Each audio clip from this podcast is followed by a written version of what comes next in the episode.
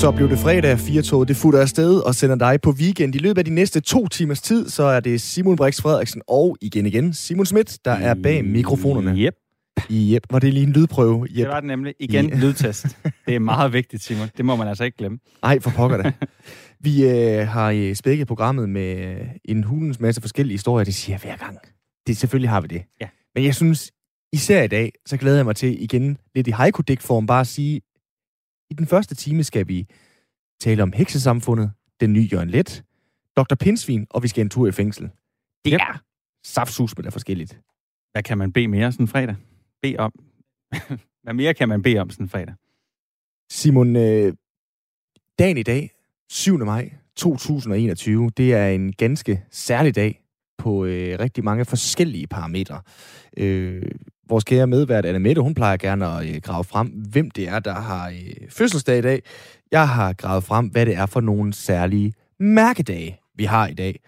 Så jeg tænkte egentlig, at vi her, inden vi øh, ruller programmet sådan for alvor afsted og øh, sætter tonelejet lidt for den kommende udsendelse, simpelthen giver dig valgmuligheden mellem, hvilken helligdag skal vi fejre i dag? Skal vi fejre Tuba-dagen? Skal vi fejre Roast Leg of Lamb Day, altså grillet lammeskang dag? Mm. Eller skal vi øh, fejre Public Garden Day? Hvad ligger dig mest på sinde? Øh, helt klart lam. Helt klart lam. Helt klart. Du er en af dem, der elsker lam. Jeg elsker lam. Min øh, svigerfar er islænding, så når han kommer og besøger, og når vi besøger ham, så er der bare lam for alle pengene. Og det kan noget. Islandsk lam. Yes. Virkelig godt lam. Er det rigtigt? Mm. Hvad får man til lam på islandsk?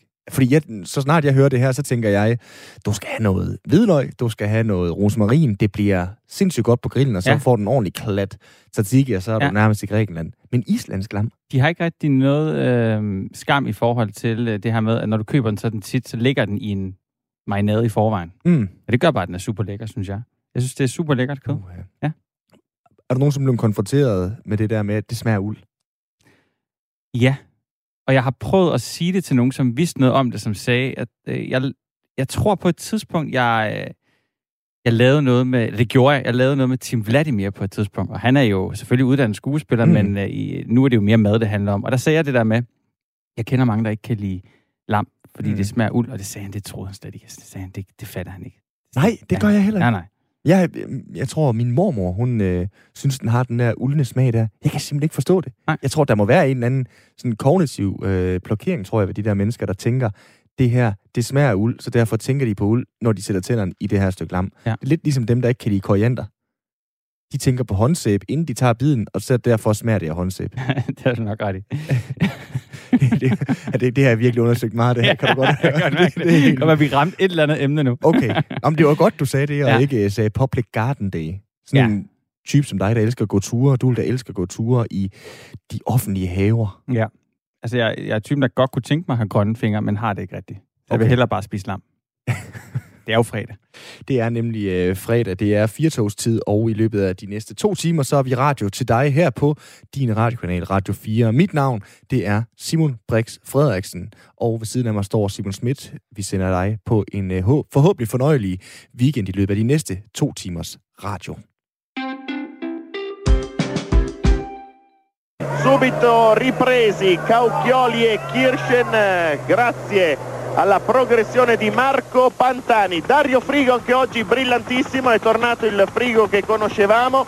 Poi c'è Gilberto Simoni, c'è Vladimir Belli e c'è Franco Pellizzotti. Franco Pellizzotti, Gilberto Simoni, og så helikopteren der, der snurrer i øh, baggrunden, og en lidt skratten lyd der. Det er virkelig, øh, Simon, du og jeg, vi er ligesom rigtig mange danskere rundet af sommer, som rimer på Tour de France, men generelt det her med cykelløb, det elsker vi. Gør vi ikke det? Ja, jeg er meget øh, cykelromantiker, så jeg ser primært Tour de France, og så nogle gange VM og Mm. Paris-Roubaix, men i særdeleshed Tour de France. Men jeg kan rigtig godt lide, du ved, dem, der formidler Ja. cykling. Jeg har læst rigtig mange bøger om cykling. Jeg synes, det er en fantastisk sport. Ja. Og i morgen, der starter verdens næst største etabeløb, løb, og øh, årets første Grand Tour, den her treenighed af Giro d'Italia, Tour de France og Vuelta i Spanien, og den første er altså Italien rundt, Giro d'Italia. Og et hvert public service program med respekt for sig selv, de skal selvfølgelig derfor have en optakt, hvor vi lige sådan bager op til starten i Torino i morgen, runder de her majestætiske tinder og nøglepunkter på ruten og taler om favoritterne. Så er du klar til det, Simon? Meget. Her nu, der kan vi byde velkommen til, i den her sammenhæng, først og fremmest Firtogs cykelsports ekspert, fordi sådan en skal en hver optakt nemlig have, men også forfatter og cykelentusiast, Bastian Emil Goldsmith. Velkommen til, Bastian. Mange tak, mange tak. Bastian, vi starter med det vigtigste. Hvem er din favorit, og hvorfor? Til løbet her, der løber jeg stadig med morgen. Yes. Mm, nu her, jeg håber på øh, at se Remco Evenepoel, den unge komet, som har været øh, ude siden sit styr i Lombardiet rundt i efteråret. Han er kun 21, og øh, jeg håber, at han ikke har mistet sine store kræfter af det ubehagelige styrt, han var ude fra der. Så jeg glæder mig meget til at se ham i aktion. Hvad, hvad kigger du efter, når du kigger på ham, men også løbet generelt? Altså, med Remco nu, så vil vi kigge på enkeltstarten i morgen. Han er jo en virkelig dygtig enkeltstartsrytter også. Øhm, så der vil jeg først og fremmest holde øje med hans tid. Øh, og det kommer til at give en meget stærk indikation om, hvordan han er kørende. Men når jeg kigger på Giro d'Italia, nu tænker jeg på, at, at løbet går i gang, så forestiller jeg mig hele ruten. Jeg forestiller mig, at de bjerge, de skal køre igennem mod slutningen, og jeg forestiller mig den store start i Piemonte her de næste 3-4 dage. Så det er sådan, der er nok at dykke ned i. Det jo sådan en meget straight optakt, synes jeg. Nu øh, har vi ligesom lært hinanden lidt at kende, øh, Bastian. Du er som sagt også øh, forfatter. Vil du egentlig gerne bare være den nye Jørgen Let? Nej, det vil jeg sådan set ikke. Jeg vil jo helst øh, være Bastian Emil. Og øh, man kan sige, at du har lige netop lavet en øh, slags optakt på Discovery, som har øh, tv-rettigheden til den her Giro d'Italia, øh, hvor blandt andet dig og, øh, og Jørgen Let øh, kommer med jeres, hvad skal man sige, bidrag til både sporten, til cykling og også til, til Skiven her og taler om det generelt. Hvad er det, du mener, sådan cykelsporten generelt kan? Altså, jeg synes jo, at cykelsporten er en, et vindue til nogle idealer og nogle værdier, som man kan prøve at, at følge i sit liv. Og her tænker jeg for eksempel på cykelrytterne. Og øh, i min samtale her med Jørgen Let, som er udkommet af det her program, snakker vi for eksempel om Fausto Coppi. Og han er for mig et eksempel på, hvad man kan få ud af cykelsporten. En mand, som møder meget modstand i sit liv, øh, virker tilnærmelsesvis ulykkelig i, i lange perioder, men bearbejder altså den her øh, modgang med fremdrift på cyklen og modstand på cyklen, og laver nogle utrolig smukke billeder af, hvad mod og, og det at fortsætte vil sige. Er det også det, du sådan kigger efter, når du øh, for eksempel i morgen skal se Remco Evenepoel øh, tøns igennem en, øh, en enkeltstart undskyld, ja. i øh, Torino? Det, det er rigtigt, du siger. Det, det synes jeg faktisk. Altså, jeg prøver ligesom at tænke nu, okay, hvad har vi, hvad har vi, hvad er det for nogle fortællinger, løbet skal øh, give os i år? Og for eksempel kommer øh, engelske Simon Yates til løbet i stor form. Og så kan jeg tænke på, om det bliver et revancens løb for ham. Er det øh, sådan en revanche eller en hævn, vi skal sige, over løbet for den enorme nedtur, han havde for et par år siden, hvor han på den store etape, som Chris Froome endte med at vinde til Monte Bordone, tabte jeg tror, 38 minutter på en dag. Og øh, efter at have ført løbet næsten fra start. Så der, der kigger jeg efter, hvad, hvad, hvilken historie kommer Simon Yates til løbet med. Han er ude på en revanche. Og så selvfølgelig med den unge Venepol, som vi vendte før, men også en som Egan Bernal, som er en af favoritterne, der vandt Tour de France for to år siden. Han har famlet lidt efter formen, og, og har virket lidt stikket og har haft lidt rygproblemer, og det er et løb, hvor han skal genrejse sig, og, og sådan. De, de, de fortællinger vil jeg ligesom prøve at holde øje med nu. Og, og Bastian Emil, nu, nu nævner du, øh, inden, øh, du nævnte lige Fausto Coppi, som du har talt med med Jørgen Let, som en, hvor man kan mhm. spejle sig i hans øh, værdier. Og nu har du lige nævnt en masse af, af de, de cykler, der, der, der, øh, der cykler i dag. Øh, kan de ligesom øh, nå Fausto Coppi til, øh, til sokkerholderne, så at sige, i forhold til det, han repræsenterer? Mm, glimrende spørgsmål, synes jeg. Øh, det, det er jo, øh, cykelsporten spejler sig enormt meget i sin historie. Det, det vil man jo også opleve, når man, når man læser om den, og, og den sådan, alt vendes og drejes i fortidens lys. Og for eksempel det her med Fausto Coppi, det højeste, det højeste bjerg, rytterne passerer, bliver kaldt Chima Coppi, bliver døbt Chima Coppi, hvor der er en særlig pris for ligesom at markere, her, øh, skal man, her skal man spejle sig i, i mesternes mester, som han blev kaldt. Og det er der noget, som øh, rytterne stræber efter. Og det er jo også en, en opmuntring til, at man døber den største stigning. Det er til, at man skal lave et angreb, som Fausto Koppe lavede. Angreb langt udefra. Prøve at undersøge det umulige eller det ufornuftige. så jeg vil sige, at det bliver svært at, at, at, at genskabe en karriere, som, som han har haft, og, og genskabe den myte.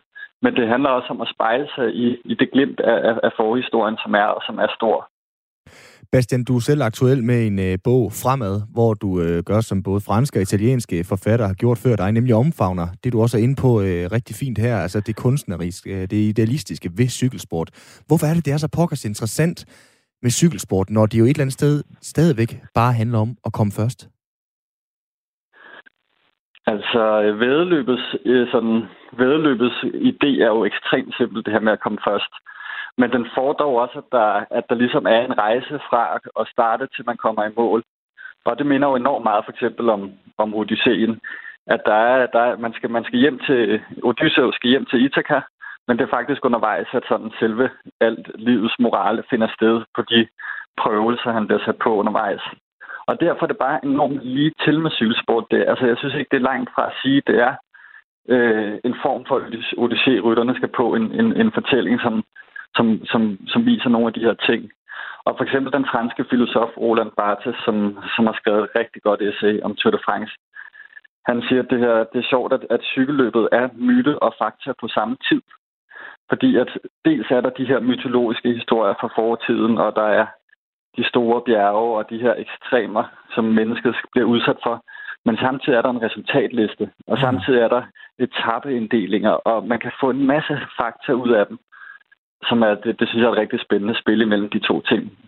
Men synes du, at cykelsporten øh, mere, og cykelsportens mytologi og idealer, mere mimer det her, hvad skal man sige, opadstræbende, det, det kunstneriske, mere end andre sportsgrene? Ja, det synes jeg jo. Mm. Altså, jeg synes, øhm, at sportsgren kan have hver sin kvalitet, men det her er et åbenlys. Altså, jeg synes, det er en åbenlys kvalitet ved cykelsporten. Øh, det ville være mærkeligt at lægge en sådan en Odysseen-fortælling ned over en fodboldkamp, synes mm. jeg, fordi det, det, det er nogle andre kvaliteter, den har. Boksning har nogle, nogle, nogle, nogle, øh, ja, nogle steder, hvor jeg synes, den også gør sig gældende i de her helt store omtællinger, fordi det nærmest kan være sådan liv og død, og man kan putte nogle meget stærke billeder op på en boksekamp, på en boksers vej til den store titelkamp, for eksempel. Så der synes jeg, at den har nogle af de her episke kvaliteter også, men, men cykelsporten i sin grundtanke øh, er, ligger mest for og det er også det her, som jeg, jeg, har, jeg har nævnt en del gange og skrevet i min bog, at det er altså et ønske med løbet fra det blev grundlagt, at der skal fortælles historier. Fordi mm. den er vist at arrangere Tour de France og har arrangeret de tidlige løb. Så det er simpelthen et af, hvad kan man sige, grundpræmisserne for sportens eksistens. Ja, nu er du selv inde på, hvad kan man sige, etikken, og, og samtidig har vi også rundet det her med, at, at cykelsporten, måske mere end nogen anden sport, lever af sin egen historie og mytologien. Er du en mm. uh, romantiker, Bastian, er sådan, som også forhærliger lidt nogle af, nogle af sønderne, som, uh, som Pantani, vi hørte her i starten, eller, eller er du også en af dem, der, uh, hvad skal man sige, fordømmer dem? Hvor står du i forhold til, til fortællingen om, uh, om de gode og de onde? Mm, jamen det synes jeg ikke er et helt sådan ensidigt svar, man kan give. Altså, jeg synes, cykelløbet øh, har vist os, at øh, i sporten bliver også samfundets moral afspejlet. Og for eksempel at forestille sig, at der i de første 70 år af sportens historie, cykelsportens historie, var doping. ikke gang et ord, der blev brugt i offentligheden. Doping bliver først som, som ord i populær, i den populære kultur, kan man sige, eller i, i det skrevne og, og, og talte. I 1967 begynder det at blive brugt, da Tom Simpson dør øhm, på Moment 2. Så, øh, så, så det viser jo, at, at i hovedparten af cykelsportens år har det her, som man nu ser ned på, har været normalt i et vist omfang. At der så kommer sådan, hvad man kan sige, nærmest en beskidt periode i, i 90'erne og 0'erne, mm. er der vel ikke nogen, der ønsker, og der er jo ikke noget, man kan sige, øh, sige positivt om, at udviklingen tager den drejning. Men derfra til så for eksempel stadig at kunne få noget ud af de cykelløb, som er blevet kørt, det kan jeg sagtens. Altså Michael Rasmussen er en af mine store helte, for eksempel, selvom hans, hans ry efterhånden er blakket, eller Marco Pantani er jo meget afholdt i Italien. Mm. Fordi han stadig symboliserede nogle ting, når han kørte på cyklen. På trods af, at man har fundet ud af, at feltet i høj grad benyttede sig af stærke præstationsfremmende midler. Det er jo fantastisk at høre øh, den her øh, viden og så videre, du har også i forhold til historien. Nu nævner du selv Tom Simpson, der øh, kollapsede, døde, fyldt op med doping på vej op af Mont Ventoux i, i 67. Hans sidste ord, det var jo øh, on, on, on, altså øh, på en eller anden måde oversat til fremad. Er der noget i det, at øh, han øh, sagde de sidste ord, som også øh, går igen i forhold til din bog, som hedder Fremad. Altså den der, hvad skal man sige, opadgående stræben, hvor der også bliver tilsidesat noget fornuft. Altså, øhm, jeg havde ikke tænkt det ind i først, at det var, øhm, at det var Tom Simpsons ord, der skulle blive bogens titel. Øhm, men øh, det er jo, et, altså for mig er det, jeg har blandt andet kaldt bogen fremad, fordi det er jo nærmest et mantra. Mm. Både for cykelrytter, men også noget, man kan bruge i sit liv selv. Øhm, og for cyklen er der på en eller anden måde kun én vej, for hvis ikke den bevæger sig fremad, vælter den. Og, øhm, og, og, og, og, og så er jeg jo meget inspireret af det, af det skib her frem, som, øh, som i 1893 øh, prøver at finde øh, Nordvestpassagen og fryser fast i isen op på Arktis, og det hedder også frem, fordi der kun én retning findes, når man står på Nordpolen. Og jeg synes, det er sådan, det omfanger meget godt alle de ting, som, som jeg synes, cykelsporten kan vise. Vi er kommet øh, vidt omkring, apropos den sidste reference ja, her også, øh, Bastian. Det er jo fantastisk med en cykelsportsekspert, der også lige sender en øh, tanke til Nordvest-passagen. Tusind tak, fordi du var med her til en lidt anderledes optag til Giro d'Italia. Ja, men tak fordi jeg måtte være med og sætte pris på at være med. Selv tak. Bastian Emil Goldsmith er altså forfatter til den nye bog Fremad og cykelentusiast. Vi får lige en lille snas af hans øh, snak med Jørgen Let, som altså er en del af optakten til Giro d'Italia. Jeg lægger det ind i cykelløbene som jeg ser. Det er min historie. Rytterne kører fra et sted til et andet. Undervejs sker der nogle ting. Det bliver til dage, som er umulige at glemme, som udfolder sig foran alt det resterende, som passerer. Kan uh, robotplæneklipper slå pindsvin ihjel? Det er et af de spørgsmål, jeg ikke havde regnet med at få. Det er ikke noget, du tit tænker på? Nej, det er det virkelig ikke. Øh, går de ikke altid sådan og lusker lidt rundt, de der pindsvin ude i bladene og så videre? Det er vel ikke der, robotplæneklipperne de kommer ud? Så du tror måske, at det, det er ikke et problem, det her? Nej, det er ikke, jeg har ikke tænkt det som et problem. Vores øh, næste gæst, der, går under, der også går under navnet Dr. Pindsvin, øh, hun har svaret. Øh, velkommen til øh, Sofie Lund Rasmussen. Lund Rasmussen. Tak skal du have. Du er zoolog og pindsvineforsker, og så bliver du, som jeg lige nævnte, også kaldt af, i visse kredse af nogen Dr. Pindsvin. Sofie Lund Rasmussen, er det et stort problem, at pindsvin bliver slået ihjel af robotplæneklipper? Det er det i hvert fald, hvis du spørger haveejerne på Facebook. Der har i mange år været øh, vilde drøftelser på de sociale medier, hvor haveejere har fundet pindsvin, der er blevet skåret i stykker, øh, og har antaget, at det var robotplæneklipper, der, der gjorde det. Så jeg satte mig simpelthen til at undersøge sammen med mit forskerteam, om det kunne være rigtigt. Fordi pindsvinene de er jo voldsomt tilbagegang i Europa, så vi har et ansvar for at holde øje med, hvilke udfordringer de møder derude. Og hvis robotplæneklipperne er en af dem, så må vi jo gøre noget ved det. Og hvad fandt øh, I så ud af? Jamen altså, vi undersøgte 18 forskellige robotplæneklippere. Og vi fandt altså ud af, at blandt de her 18 modeller, så var der nogen, der var ganske harmløse over for pindsvin. Men der var altså også nogen, som faktisk øh, altså maltrakterede de døde pindsvin, vi testede på. Vi testede selvfølgelig på døde pindsvin, der desværre var døde i pleje. Ja, fordi nu siger du maltrakteret, nu siger du selvfølgelig, at pindsvinene var døde, men hvordan gik du metodisk til værks? Jamen det vi gjorde, det var, at hver robotplæneklipper blev testet 12 gange med fire døde pindsvin, der repræsenterede fire forskellige vægtklasser, og de blev hver testet i tre forskellige positioner. Så vi lagde de her døde pindsvin på græsset og lod robotplæneklipperen køre frem imod pindsvinet. Og så var der altså nogle af robotplæneklipperne, der opdagede pindsvinene. Alle maskinerne var nødt til at køre hen og faktisk puffe til de døde pindsvin, før de kørte videre. Altså ligesom man ville forvente, hvis man har sådan en robotstøvsuger derhjemme. Den kan jo også godt køre udenom forhindringer, men den skal lige hen og mærke dem, før den kører videre. Så der var en del af maskinerne, der heldigvis puffede til pindsvinene og kørte videre. Så var der nogen, der ikke opdagede pindsvinene i første omgang og begyndte at køre hen over dem. Og blandt dem var der heldigvis nogen, der levede op til de sikkerhedsstandarder, som det europæiske marked foreskriver, nemlig at de her knive, roterende knive, skal holde op med at rotere, når de kører hen over en forhindring. Men så var der desværre altså også nogle maskiner, der slet ikke stoppede deres knive, og så desværre øh, skar i de her døde pindsvin. Sofie, et eller andet sted, så kommer jeg jo til at tænke på lidt Darwin, survival of the fittest, det er selvfølgelig forfærdeligt for de her pindsvin, der er øh, troet og så videre der, men er der nogen tegn i sol, måne og stjerner på survival of the fittest, at pindsvinene i fremtiden vil lære at gå udenom de her robotplæneklipper, eller er det os selv, vi skal have fat i for at øh, forbedre de her plæneklipper? Jamen altså, pindsvinenes tilbagegang skyldes udelukkende menneskers adfærd. Så, så i bund og grund, så, øh, så bør vi jo være opmærksom på, hvad det er, vi udsætter vores vilde dyr for. Men jeg vil sige det sådan, vi har jo ikke testet på levende pindsvin. Og pindsvin har nogle rigtig gode sanser. Altså, de, de hører godt, og de er rigtig gode til at, at, at lugte. Deres syn er sådan lidt begrænset. Så det er helt sikkert, at der må være nogle af pindsvinene, der opdager de her robotplæneklipper i haven, og måske sørger for at, at vente til de holder op med at køre. Men, øh, og så er det sådan, så når pindsvinene møder en fare, så starter de med at stivne helt, fordi de rovdyr, der normalt tager dem, altså rev, grævling, stor hornugle, de ser bevægelse i mørket. Øh, så pindsvinene starter med at stivne, og når de finder ud af, at, øh, at det virkede sgu ikke, så enten så tager de benene på nakken og løber væk, eller også ruller de sig sammen.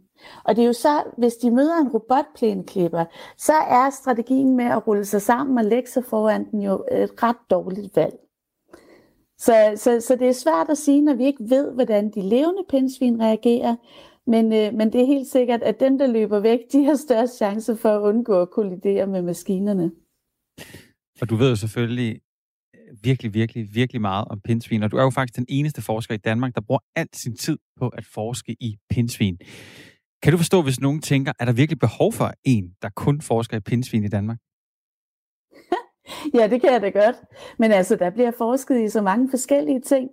Og øh, hvad hedder det? Og pindsvin er så bare en af dem. Og jeg vil sige, altså, alle elsker jo pindsvin. Jeg tror ikke, jeg har mødt nogen, der synes, at pindsvin er træls. Og, øh, og vi har det her ansvar for at passe på dem. Det giver jo en fuldstændig unik naturoplevelse. Det er jo et af de få vilde dyr, vi kan få lov til at komme helt tæt på, og alle ved, hvordan et pindsvin ser ud. Så, så hvis vi gerne vil have, at vores børnebørn får lov til at møde et pindsvin i haven, så er vi jo nødt til at holde øje med, hvordan de har det, for at finde ud af, hvordan vi bedst hjælper dem til at overleve derude. Og ved vi nu, hvordan man gør det, udover at øh, købe de rigtige robotplæneklipper? Der er i hvert fald øh, en masse forskning i gang om, øh, hvad tilbagegangen øh, skyldes.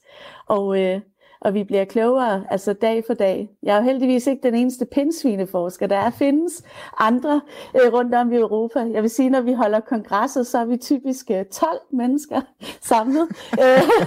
det lyder rigtig hyggeligt. Er, øh, det er noget af en niche. Men, øh, men det var rigtig vigtigt at få dokumenteret de her robotplæneklipper øh, og deres effekt på pindsvin. Fordi når nu vi ved det, så, øh, så kan vi jo kommunikere med de forskellige producenter af maskinerne og fortælle, hvad vi fandt ud af. Fordi det vi faktisk kunne se på resultaterne, det var, at de maskiner, der havde fleksible knive, der altså folder sig ind under sådan en beskyttelsesplade, når de rammer noget, der er hårdt græs, øh, de var altså mere pindsvinevenlige.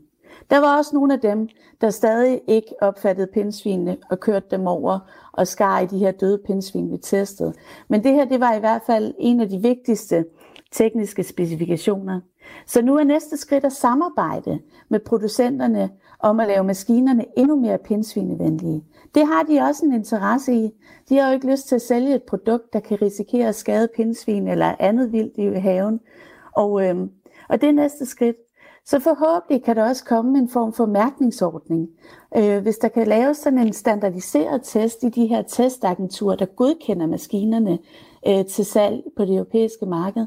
Hvis vi kunne lave sådan en test med en pindsvine crash test dummy, øh, der var repræsentativ for, for pindsvin, øh, så, så kan der komme en mærkningsordning, der i hvert fald hjælper haveejerne til at træffe det pindsvinevenlige valg. Jeg kan også godt tænke mig at vide det her, øh, Sofie øh, Lund Rasmussen. Altså, hvad er det, der er så fascinerende ved pindsvin, at du har lyst til at hælde al din tid til at beskæftige dig med dem? Jamen for det første, så ser de jo bare enormt nuttet ud. Og så er de så let at genkende med de der pigge.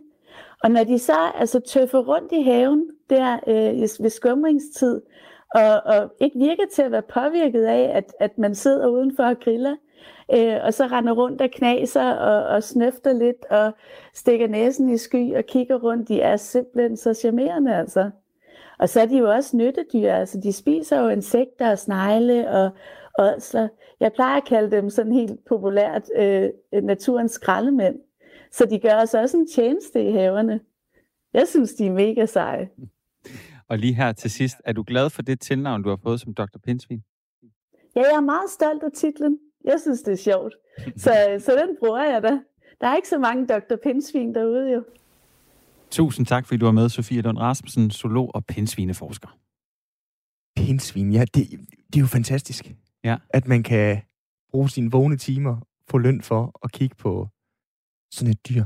Altså, det, er jo, det kan vide, om hver dyr har en, der kunne være doktor, pinsvin, doktor, marsvin, doktor, æderkop, doktor. Du kan vide, hvilke dyr, der har flest forskere tilknyttet, og hvilke, der har færrest. Ja, det er sindssygt, mand. oh, ja. Kan du godt lide pinsvin? Jeg, jeg tror ikke, jeg har tænkt så nøje over, om jeg godt kan lide dem. De, oh, de er jo fine. Altså. Jeg fandt på et tidspunkt, da jeg går i gymnasiet, ud af, at øh, i hvert fald rigtig mange piger, måske, øh, i hvert fald i Silkeborg, øh, er mine, i min omgang, jeg synes, det var nuttet, de var nuttet. Mm. Vi spillede nogle, øh, vi var til en forfest, en sommeraften, ja. Spiller ølbowling, og så lige pludselig er der en, der bliver lidt irriteret over, øh, han har fået en, øh, en straf. Mm-hmm. Og så sparker han bare alt, hvad han kan, den her bold øh, ind nej, i buskaget. Og så da han går hen for, og jeg skal ikke grine, det, er for, det var, vi blev faktisk mange chokeret, men da han så går ind for at hente den her bold, så har han simpelthen ramt øh, et pindsvin, der simpelthen bare er død på stedet. Han har simpelthen ja. slået et pindsvin ihjel? det, det ødelagde forfesten, okay. fordi øh, i særdeleshed øh, kvinderne, der deltog, øh, gik helt ned i sølvkålkælderen, og det var, folk var også lidt du ved, fulde, blev lidt følelsesladet ja, måske. Nemlig. Og der blev talt om, om den skulle begraves. Altså, det var, det, altså i haven der, ja, det gik helt... ja, det, det, er jo fuld, fuld teenager, der Ej, ja. kommer til ved et uheld. Det er jo slå et pindsvin ihjel. Så det kan, det kan, det kan et pindsvin heller ikke holde om, ja, om ungdommen i Danmark og så videre ja, der. Ja. Prober Højerskøjt, han må have ham med din kammerat. Hvis ja, han var en god fodboldspiller. Ja, han var fint. Ja. han er sindssygt. Han, jamen, det er, jamen, det er forfærdelig fortælling, mm. men også øh, det fortæller noget om, om hvad det er for en dyr, vi har med at gøre her. Ja. Jeg ved ikke, om det var... Det kan være, at det er hende, der endte med at blive zoolog. Det skal jeg ikke kunne sige. Nej, det kan hun, være. Hun gik, ikke, hun gik ikke i din klasse, hende Sofie Lund Rasmussen. Nej. Nej, okay. Så skal vi til en øh, corona-historie, fordi at øh, mens Danmark de øh, heldigvis er ved at åbne op igen, så er der stadigvæk en gruppe af børn, som ikke kan se deres far eller mor på grund af corona. Det er børn, hvis far eller mor de er varetægtsfængslet med besøgskontrol. Det vil sige, at de ikke er dømt endnu, men politiet er ved at finde beviser, som en dommer så skal afgøre for, om de kan dømmes på. Siden december, der har politiet haft lukket for besøg, men på mandag, der kan børn, koner, kærester og mødre igen efter et halvt år se de indsatte. Her og nu, der kan vi byde velkommen til dig, Julie Nielsen. Ja, hej. Hej. din øh, forlovede, Julie, sidder i øh, varetægt øh, med besøgskontrol, og du og din søn på to og et halvt år. I har ikke set ham i over to måneder siden, han blev øh, varetægtsfængslet. Hvordan har de sidste par måneder været for øh, dig og din søn? Ja, men øh, det har været oppe ad bakke, kan jeg fortælle dig. Nej, øhm, jeg har en dreng, som i starten spurgte ekstremt, ekstremt meget efter sin far. Øhm, og nu er vi faktisk bundet derhen af, vi er jo næsten på tredje måned nu, at han faktisk er ved at glemme sin far, fordi han er så lille. Øhm, det kan jo både være godt og skidt, hvis man kan sige sådan. Mm. Øhm, Hvordan det? Ja, Jamen, altså, jeg tænker, at fordi han er så lille, så skal der jo selvfølgelig øh, bygges et nyt forhold op igen.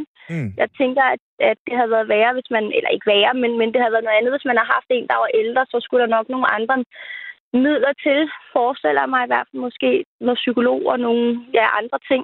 Øh, fordi de forstår det lidt bedre, end en på to og et halvt år gør, ikke? Hvad fortæller du øh, din søn, når han spørger efter sin far? Ja, men altså, nu er han jo kun to og et halvt år, så jeg plejer at sige, at far kommer snart, fordi mm. han har ikke rigtig nogen den samme situation som nemt, hvis han nu havde været større, vel?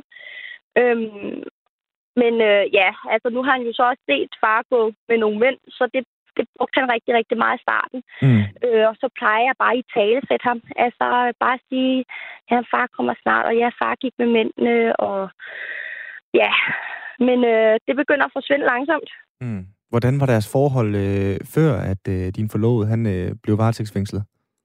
Jamen, øh, det var godt. Det var dejligt. Det var Mm. et dejligt far-søn-forhold. Det var...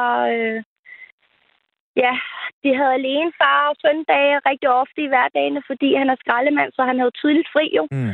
Øhm, så, så, så det var rigtig, rigtig godt forhold. Hvor meget har det fyldt i jeres hverdag, det her med, at I ikke har kunne øh, besøge ham? Altså, er det bare gået lidt øh, 8-16 dagligdag i den, eller, eller hvad har I egentlig sådan, øh, gjort af kumspring for at tilpasse jeres hverdag, at I ikke har kunne besøge ham? Øhm, altså, det, jeg prøver bare at opretholde en normal hverdag for mig og min søn, ikke? Øhm, og så har jeg så prøvet, når vi endelig har kunne have sådan nogle telefonopkald, og prøvet at have mænd over, men det er bare ekstremt svært, fordi han er to og et halvt, ikke? Øhm, så jo, det er nok bare blevet lidt dagligdag, og, og, og prøve at skyde det lidt væk, indtil man kan snakke, snakke med personen igen, Mm. ikke? Hvad sidder din forlovede indenfor, Julia? Jamen, han er blevet siddet inden for narko. Mm. Ja. Normalt så har en øh, varetægtsarrestant, som det hedder, ret til besøg i en time om ugen og 30 minutters telefonsamtale hver uge, mens en betjent overværer det. Men under den her coronanedlukning, som øh, vi jo har været inde på, så skulle du tale i telefon med ham, mens du sad på en politistation. Hvordan har Ja. det fungeret for dig og din søn? Øh, for min søn fungerer det jo ikke, fordi at, øh, det hedder kun formiddagstimer. Mhm. Øh, så det betyder, at øh, jeg skal slippe alt, hvad jeg har i hænderne på arbejde, øh, for at passe det ind. Ikke? Deres seneste tid, det var 11.45. Og der arbejder stort set hele Danmarks befolkning, ikke? Mm. Øh, som har et øh, 37 timers job i hvert fald. Og hvad med dig selv? Hvad har du øh, gjort for at få det til at øh, passe? Ja, men heldigvis så har mit arbejde været rigtig forstående og fleksibelt, så, øh, så jeg har fået lov til at gå, og ellers har jeg prøvet at lægge, det, lægge telefonopkaldene på mine tidlige dage, eller de dage, hvor jeg møder lidt senere, ikke? Du i en Facebook-gruppe med omkring 600 andre pårørende til fængslet. Hvordan har I sådan talt sammen generelt om det her med at få åbnet for besøg og gøre en dyd ud af, at øh, det her det er altså en vigtig ret, vi har, både som øh, pårørende og som øh, familie, til at vi får lov til at besøge vores bedre halvdel? Jamen altså, vi har jo vi har jo støttet enormt meget hinanden, og også folk har spurgt, hvad man kunne gøre, og så er der jo blevet lavet en hel masse underskriftsindsamlinger. Øhm, og så er der blevet skrevet enormt, øh, enormt mange klager til, hvad nu det hedder, om, ombedsmænd, det tror jeg, det hedder, Ja. ja. og Rigspolitiet, og ja, øh, ja, ekstremt mange klager. Øhm, Hvad er I blevet mødt af der? der, der er vi blevet mødt med, at øh, de henviser til et tidligere skrift, som de havde skrevet i 2020. Som siger hvad?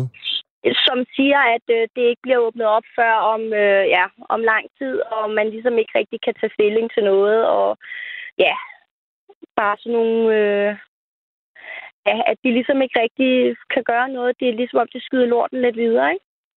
Nu står du her og, og fortæller din historie, Julie, i radioen med en, øh, med en øh, forlovet, der er indsat i øh, Vesterfængsel, og med en søn derhjemme på øh, to et halvt. Kan du forstå, hvis der er nogen, der siger, helt ærligt, din øh, forlovet i det her tilfælde, eller en anden indsat, de har øh, gjort noget, de ikke skulle. Derfor så øh, er det her ligesom en del af straffen, når nu samfundet er lukket ned. Der er mange andre steder, hvor vi hellere skulle øh, sætte ind med at øh, have fokus. Det kan jeg sagtens forstå, men nu ligger landet også sådan, at øh, når man er varetægtsfængslet, så er man faktisk uskyldig indtil andet bevist. Mm. Øhm, og det er dem, der kommer til at bøde allerhårdest for det.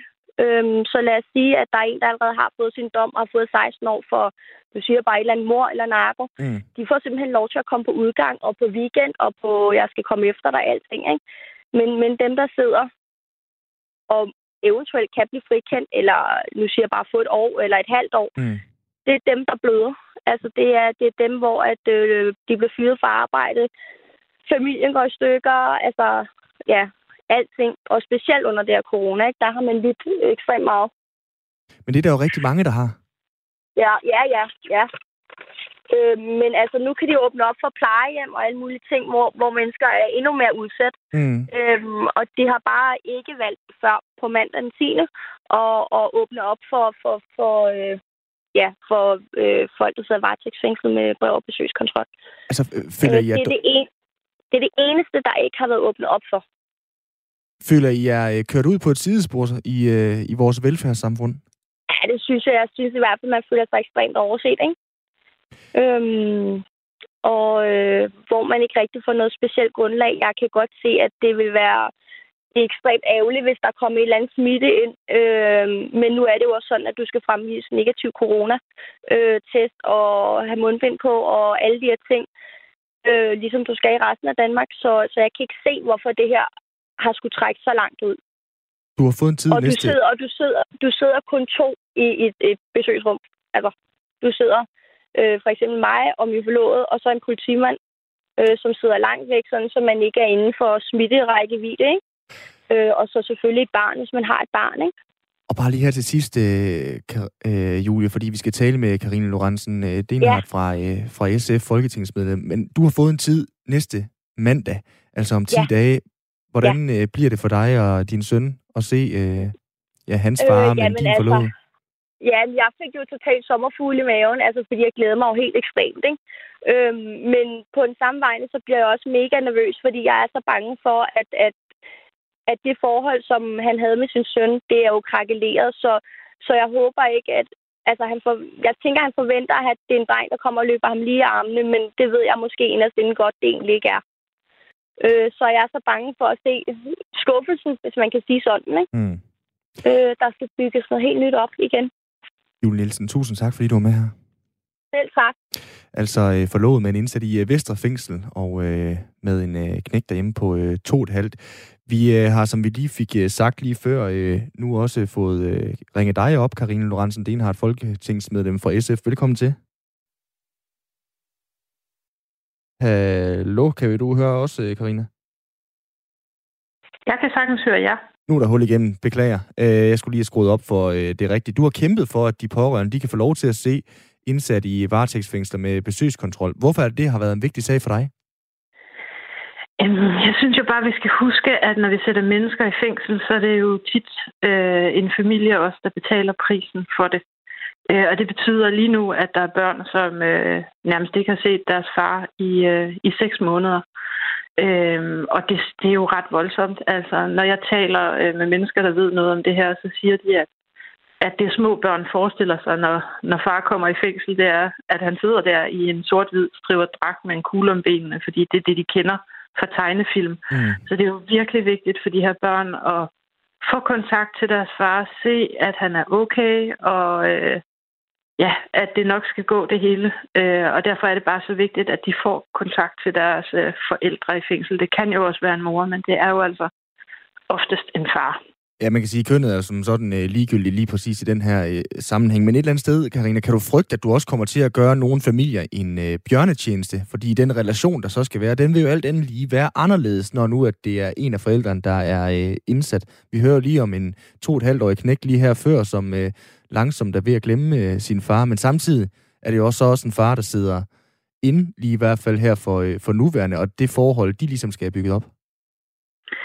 Jamen altså, der er jo ingen tvivl om, at dem, der lider mest under det her, det er børnene. Og vi kan ikke tage sorgen og savnet fra dem, fordi de bliver jo adskilt øh, fra deres far, øh, når han sidder i fængsel. Men vi kan gøre noget for at mildne det, og vi kan sørge for, at de har en ret til at se deres far. Øh, og det er jo bare utrolig vigtigt, også fordi, at det betyder noget øh, for børn at vide, hvordan far har det.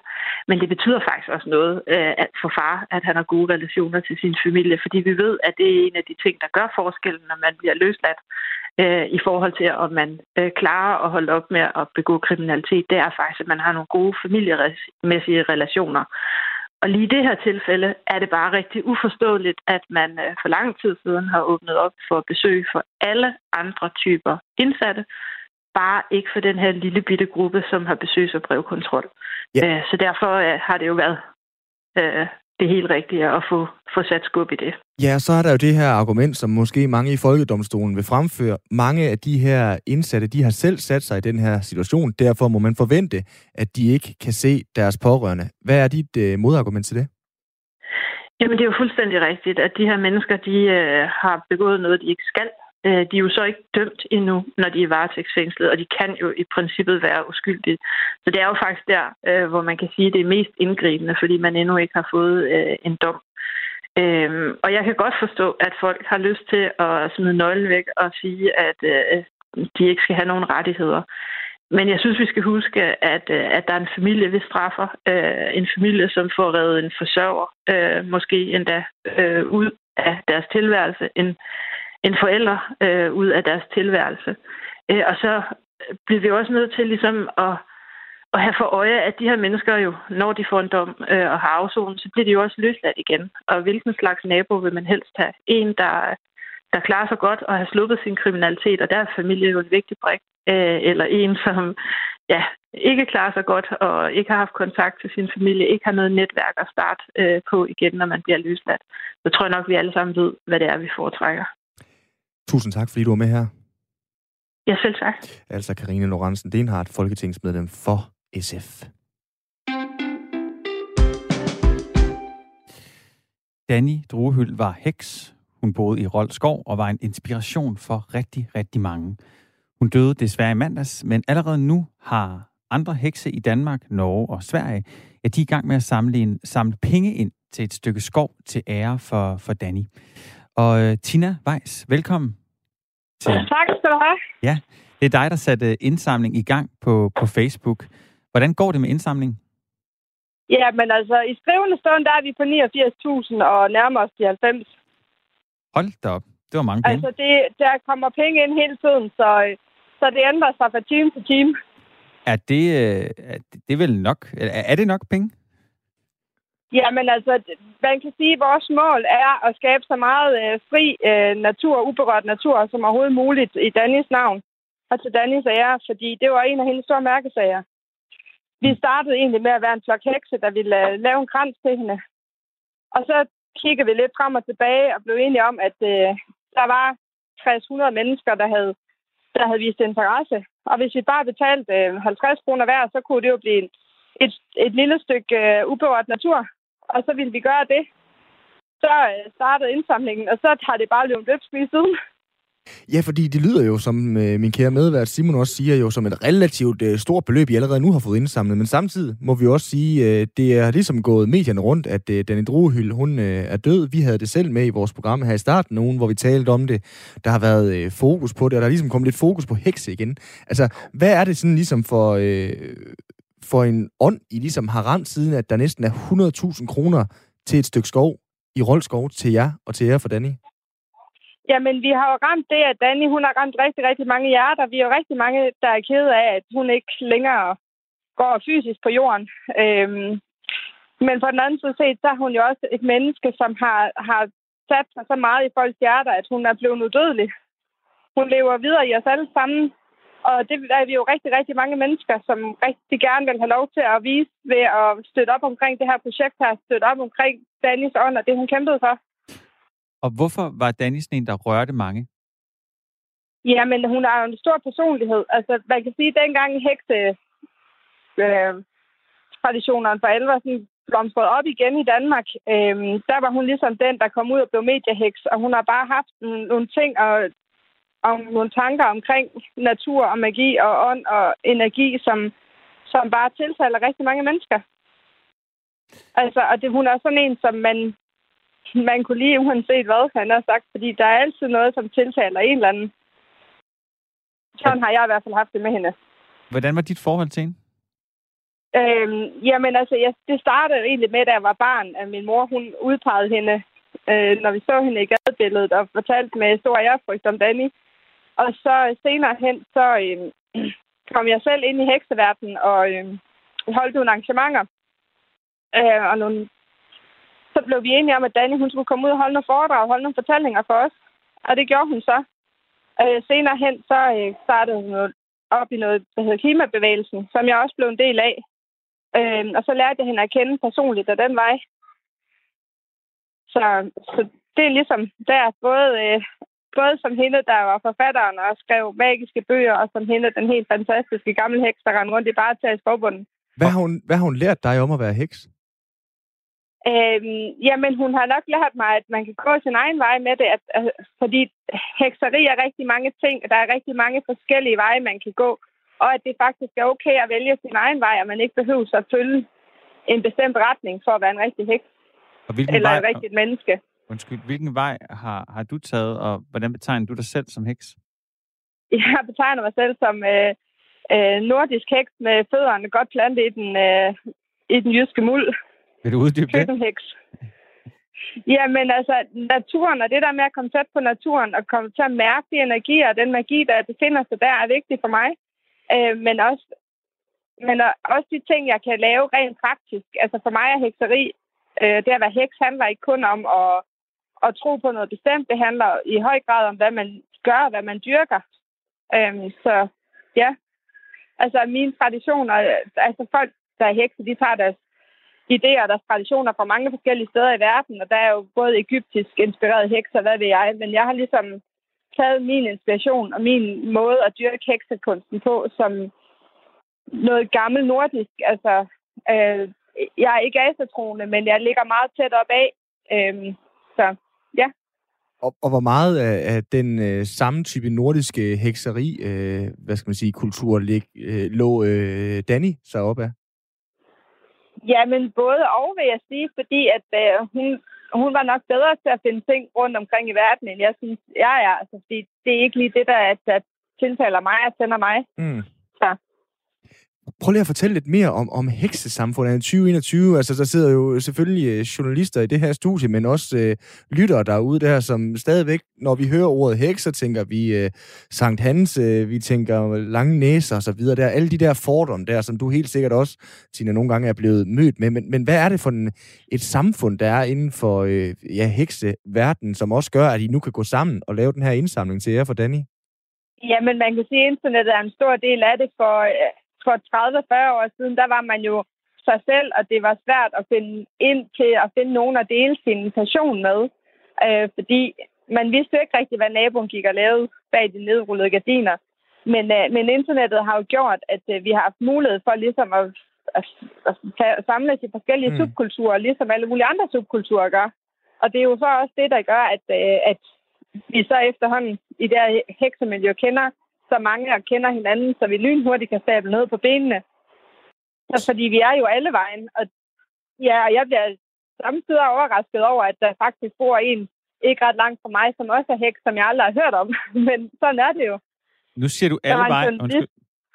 Der var en journalist, der spurgte, hvor mange hekse der var her i området, hvor altså, jeg kommer fra Tørndrup, som er 20 minutters kørsel fra Skørping, som mm. er lige i nærheden af Danny. Øhm, og han spurgte, hvor mange hekser der var der.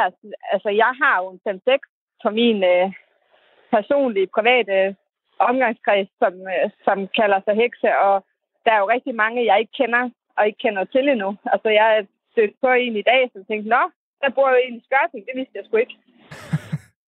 Ja, når du så øh, siger, at du er en 5-6 hekse, som der bare er nogen, du kender lige præcis i dit øh, nærområde, i omkring Rolskov og Rebel, kan jeg høre på det hele. Altså, mødes I så øh, ofte og øh, laver en eller anden urteblanding, taler om, hvad det egentlig er, der ligger jer på sine, eller, eller hvordan foregår det? Altså, det har vi gjort. Altså, det gjorde jeg rigtig meget, dengang jeg kom ind i hekseverdenen, øh, og var med til at være forgangskvinde for at samle folk i nogle øh, foreninger og nogle bestyrelser og nogle forskellige organisationer og noget sådan ligesom fik lære, kunne lære af hinanden. Øh, men her på mine gamle dage, har jeg sagt, jeg er 45 i dag, øh, hvor jeg har været med så mange år, så er jeg måske også mere sådan lidt, jamen, jeg har ikke så meget brug for at mødes med en masse andre. Så jeg gør det, hvis der er en anledning til det, men ellers så, øh, så praktiserer jeg for mig selv hvor meget tid bruger man på at være heks? Hvor meget tid bruger du på at være heks? Øh, jeg ved ikke, hvad du tror på. Hvad, har du en bestemt tro? Nej, det har jeg nemlig ikke. Okay, lad os så sige en, øh, en almindelig for, hvad hedder det, øh, traditionskristen i Danmark. Hvor meget tid bruger de på det? Mm. Jamen, det er en god måde at sætte det, det op på. Det er jo en det er jo en del af ens personlighed. Ja. Altså samtidig så har jeg sådan lidt, jamen jeg dyrker ikke noget, jeg gør ingenting, jeg er ikke noget specielt. Mm. Og så når jeg tænker over det, så alligevel så er der sådan lidt med, hvis der, man skal lave noget mad til en speciel anledning, jamen så kan man måske synge noget særlig energi ned i den mad der, for at, at den her begivenhed, den bliver helt særlig. Mm. Øhm, så det er jo bare en del af hverdagen. Ja, nemlig. Når, når man kommer rigtig ind i det. Er, er, det, er, det sådan et, er det sådan et træls spørgsmål at få? Altså, det kan jeg godt uh, tåle at høre, skulle jeg lige så sige, at, at, at blive spurgt ja, om. det synes jeg, det er. Ja. Fordi, altså, det, det får det til at lyde, som om det er en hobby. Mm. Det er det jo ikke. Nej, nemlig. Jamen, det er nemlig også bare lige for at forstå, jeg skal igen omfanget af det. Det er jo det, der er vildt uh, interessant, og så det her uh, samfund, som jo så også uh, nu uh, bruger til netop at uh, hylde Danny og uh, det, hun stod for. Altså, man kan sige, hvis nu man går fra at være kødspiser til at blive vegetar, mm. så bruger man til, til at starte med rigtig, rigtig meget tid på at finde ud af, hvad er der af indhold i det forskellige mad? Hvordan får jeg alle de proteiner, jeg skal have? Og hvordan får jeg den rigtige næringssammensætning? Og hvordan finder jeg nogle lækre opskrifter, som jeg også godt kan lide at spise? Det vil man jo gøre i starten, når man bliver vegetar. Men på et tidspunkt, så bliver det helt naturligt at vælge plantefarsen i stedet for øh, mm. hakkebøfferne. Altså, uden man tænker over det, så bruger man jo ikke tid på det mere. Så er det jo bare integreret i de ting, man gør. Og Tina Weiss, jeg vil gerne have fokus lidt tilbage på det her skovstykke og på, øh, på, på Danny Druehyld. Øhm, ved I, hvor mange penge I kan få for, altså hvor, mange, hvor, hvor meget skov I kan få for de penge, jeg indsamlet indtil videre? Det var 89.000, var det rigtigt? Ja, altså vi har taget kontakt til Naturfonden. Jeg har snakket med Flemming, som er direktør derfor, om hvordan vi ligesom gør det her, fordi vi kunne også godt tænke os, at, at de penge, som vi bruger, det ligesom bliver til et, et sted, hvor vi kan sige, at det her, det er Danis område. Det er det, som hendes penge er gået til. Øhm, og vi ved jo ikke, hvor, hvor meget vi kan få, fordi vi ved jo ikke, hvor mange penge, det ryger, ryger op på. Altså, men vi kan købe en kvadratmeter for 12 kroner, så kan du selv begynde at regne op, at vi faktisk har fået en fodbold. Vi har fået en fodboldbane nu, kan man sige. Og, og hvad, hvordan tror du, Danny øh, Dru, øh, Druhyl vil have det med, at der kommer et, et område, der er hendes område? Jeg tror, hun vil have det helt fantastisk med, at der kommer uberørt natur, og jeg tror, det for hende er det vigtigste. Det synes jeg var en god måde at slutte på. Uh, held og lykke med skovstykket, Tina Weiss, og tak fordi du vil fortælle lidt uh, om heksene i Danmark. Selv tak. Så blev vi uh, så meget klogere, Simon. Meget klogere. Det er et stort stykke. Det er selvfølgelig også Danmarks største skov, skov så der er jo ja. plads nok alt andet lige. Men for 89.000 kroner skov, hvor meget kan man så få for det? For 12 kroner. Noget, der minder om en fodbold. Ja, er du sindssyg, mand. Nå, Simon. I går, der læste jeg en uh, nyhed på uh, BBC, at uh, fodboldklubben Ipswich, ja. uh, tidligere Premier League-klub, uh, nu uh, frister din tilværelse lidt længere ned, de har fået en ny trøjesponsor. Og det er en lokal held, der slet og ret har valgt, at uh, han skal være sponsor i uh, sin egen klub, så at sige. Har du set, hvem den er? Det er Ed Sheeran.